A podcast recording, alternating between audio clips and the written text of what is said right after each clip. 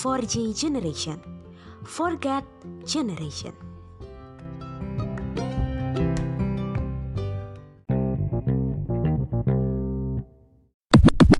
Shalom for cheers. Puji Tuhan kalau pada sore hari ini kita boleh sama-sama bertemu kembali walaupun tetap dalam keadaan online kita boleh tetap bersyukur karena kita boleh sama-sama beribadah. Biarlah pujian ini boleh menjadi rema bagi setiap kita untuk kita boleh senantiasa setia melayani Tuhan dalam setiap apa pun keadaan kita.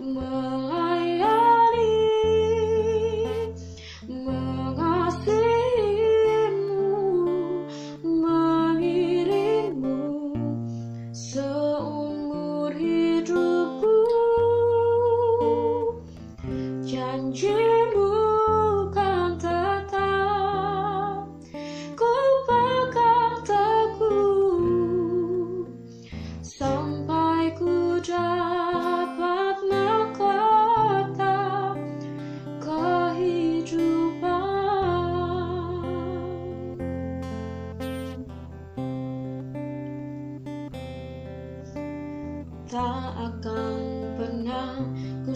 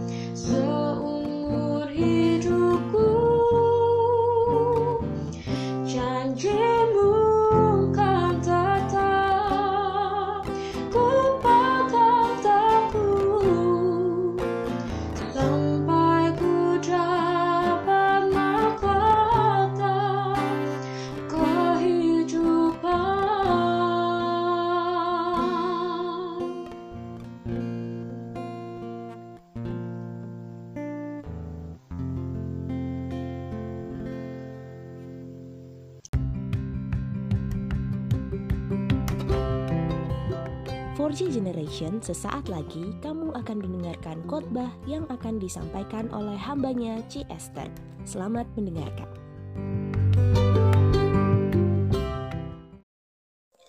Shalom for cheers, apa kabar? Di mana pun kalian berada saat ini, saya harap kita semua dalam keadaan sehat-sehat saja. Amin. Oke, sebelum mulai, yuk kita berdoa dulu. Terima kasih Tuhan buat kesempatan hari ini. Saat ini kami mau belajar firman-Mu. Tuhan tolong buka hati dan pikiran kami, Tuhan pimpin kami saat ini.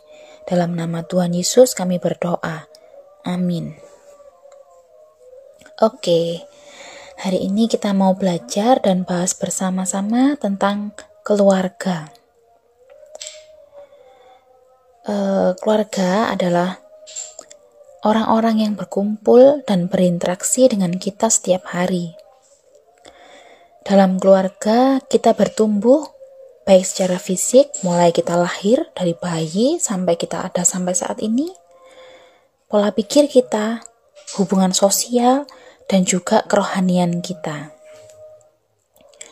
Kita bisa merasakan kenyamanan saat kita ada di tengah-tengah keluarga kita, dan kita mempunyai rasa aman saat kita bersama. Jika kita ingin membangun sebuah keluarga, sebagai orang Kristen, ada beberapa tahap yang harus kita lalui. Yang pertama, tentunya kita perlu bimbingan pranikah. Yang kedua, kita menikah dan diberkati sebagai satu keluarga yang sah, baik secara hukum ataupun secara agama. Dan ketiga, kita masuk ke dalam suatu keluarga baru kita yang pastinya berbeda jauh dengan keluarga asal kita. Dan akan banyak sekali perubahan yang akan terjadi, yang akan kita alami. Nah, kali ini kita akan coba belajar dari satu keluarga dalam Alkitab. Kita akan sama-sama buka dalam kitab Rut.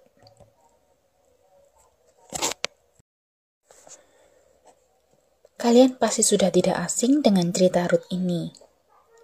Satu keluarga yang terdiri dari Elimelek sebagai kepala keluarga, Naomi sebagai istri, dan Mahlon dan Gilon sebagai anak-anak. Mereka harus meninggalkan uh, negeri Israel yang saat itu tertimpa bencana kelaparan. Mereka pergi ke negeri Moab, uh, negeri yang bukan termasuk negeri bangsa Israel, dan mereka menetap di sana. Tapi beberapa waktu kemudian, Elimelek meninggal, sehingga Naomi harus melanjutkan hidupnya bersama dengan kedua anaknya. Akhirnya, dua anak ini menikah dengan gadis-gadis Moab, yaitu Ruth dan Orpa. Tapi, sepuluh tahun kemudian, Mahlon dan Kilion meninggal juga.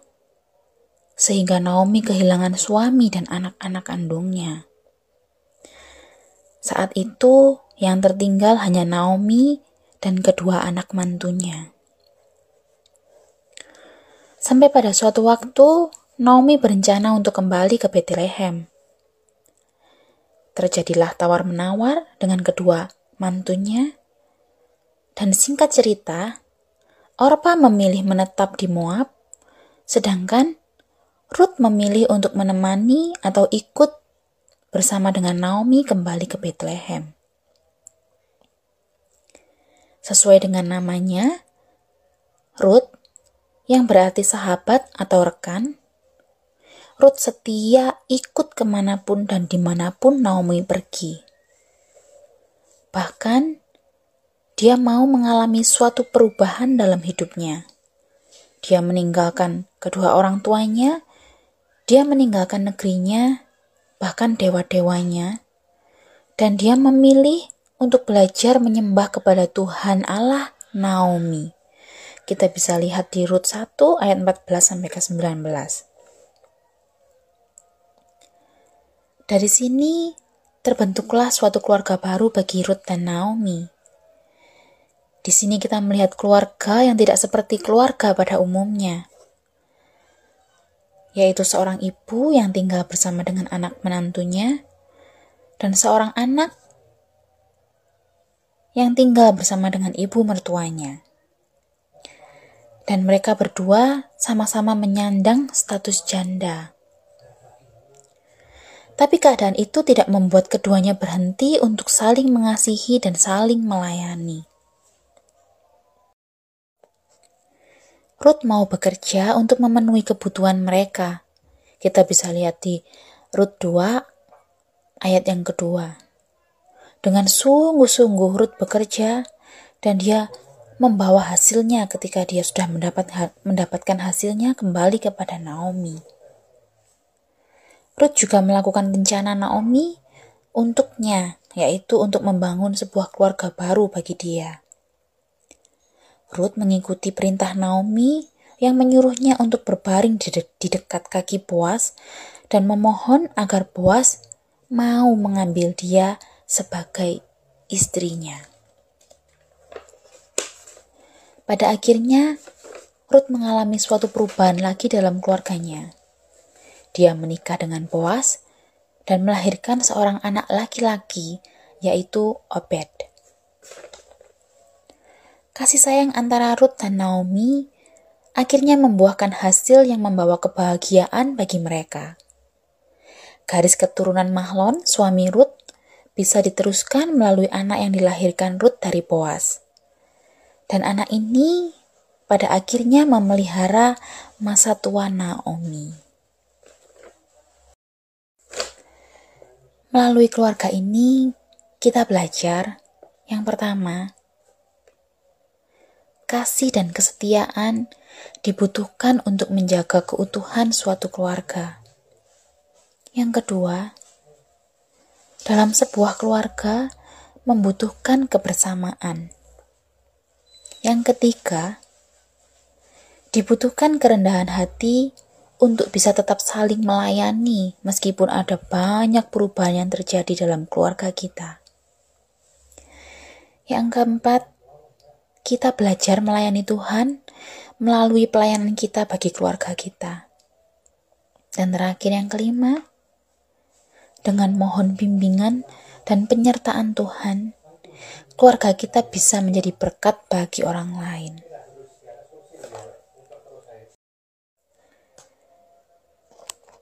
Sekarang eh, ada beberapa pertanyaan yang bisa kita renungkan sebagai seorang anak dalam keluarga. Sudahkah kita berpartisipasi dalam menjaga keutuhan keluarga kita? Apakah kehadiran kita membawa kedamaian dalam keluarga kita, atau malah menimbulkan perpecahan dan pertengkaran? Yang kedua, sudahkah kita memberikan waktu yang berkualitas untuk keluarga kita? Sebagai contoh, misalnya saja, saat kita memiliki waktu santai, kita dalam kita ada dalam satu ruangan yang sama. Apa yang kita bicarakan? Apa yang kita kerjakan? Apakah kita ngobrol bersama? Apakah kita main bersama? Atau malah kita sibuk dengan gadget kita dan dengan dunia kita sendiri? Yang ketiga, bagaimana sikap kita selama ini terhadap segala nasihat dan teguran dari keluarga kita? Apa kita sudah memohon pada Tuhan agar Tuhan memberikan kita hati yang mau untuk dibentuk? Yang keempat, apakah Tuhan sudah merasa kita layani melalui apa yang kita lakukan dalam keluarga kita? Sudahkah kita memohon berkat bagi keluarga kita? Saya berharap kita bisa merenungkan pertanyaan-pertanyaan tersebut dan kita bisa menjawabnya. Dan kita bisa menjadi anak yang lebih mengasihi keluarga kita. Amin. Mari kita berdoa. Tuhan Yesus, terima kasih Tuhan buat renungan pada hari ini.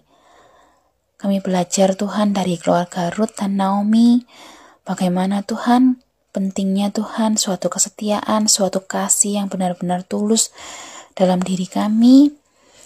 Ajar kami Tuhan untuk kami mau belajar Tuhan, agar kami mau dipimpin terus Tuhan oleh kasih-Mu, sehingga kami mampu Tuhan untuk menjalani kehidupan kami, peran kami dalam keluarga kami masing-masing. Kami percayakan Tuhan kehidupan Masa muda kami ke dalam tanganmu dan kami percaya pimpinanmu selalu ada nyata sempurna bagi kami. Terima kasih Tuhan Yesus, terima kasih. Kami berdoa, kami mengucap syukur buat hari ini. Dalam nama Tuhan Yesus kami berdoa. Haleluya. Amin.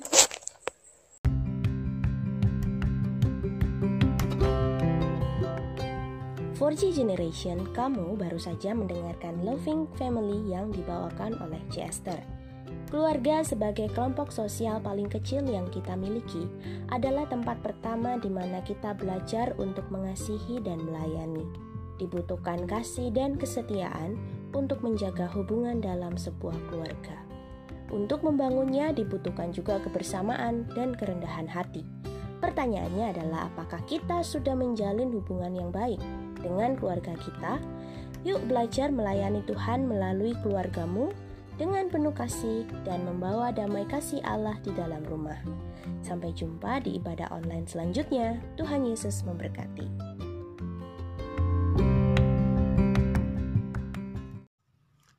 For J Generation, Forget Generation.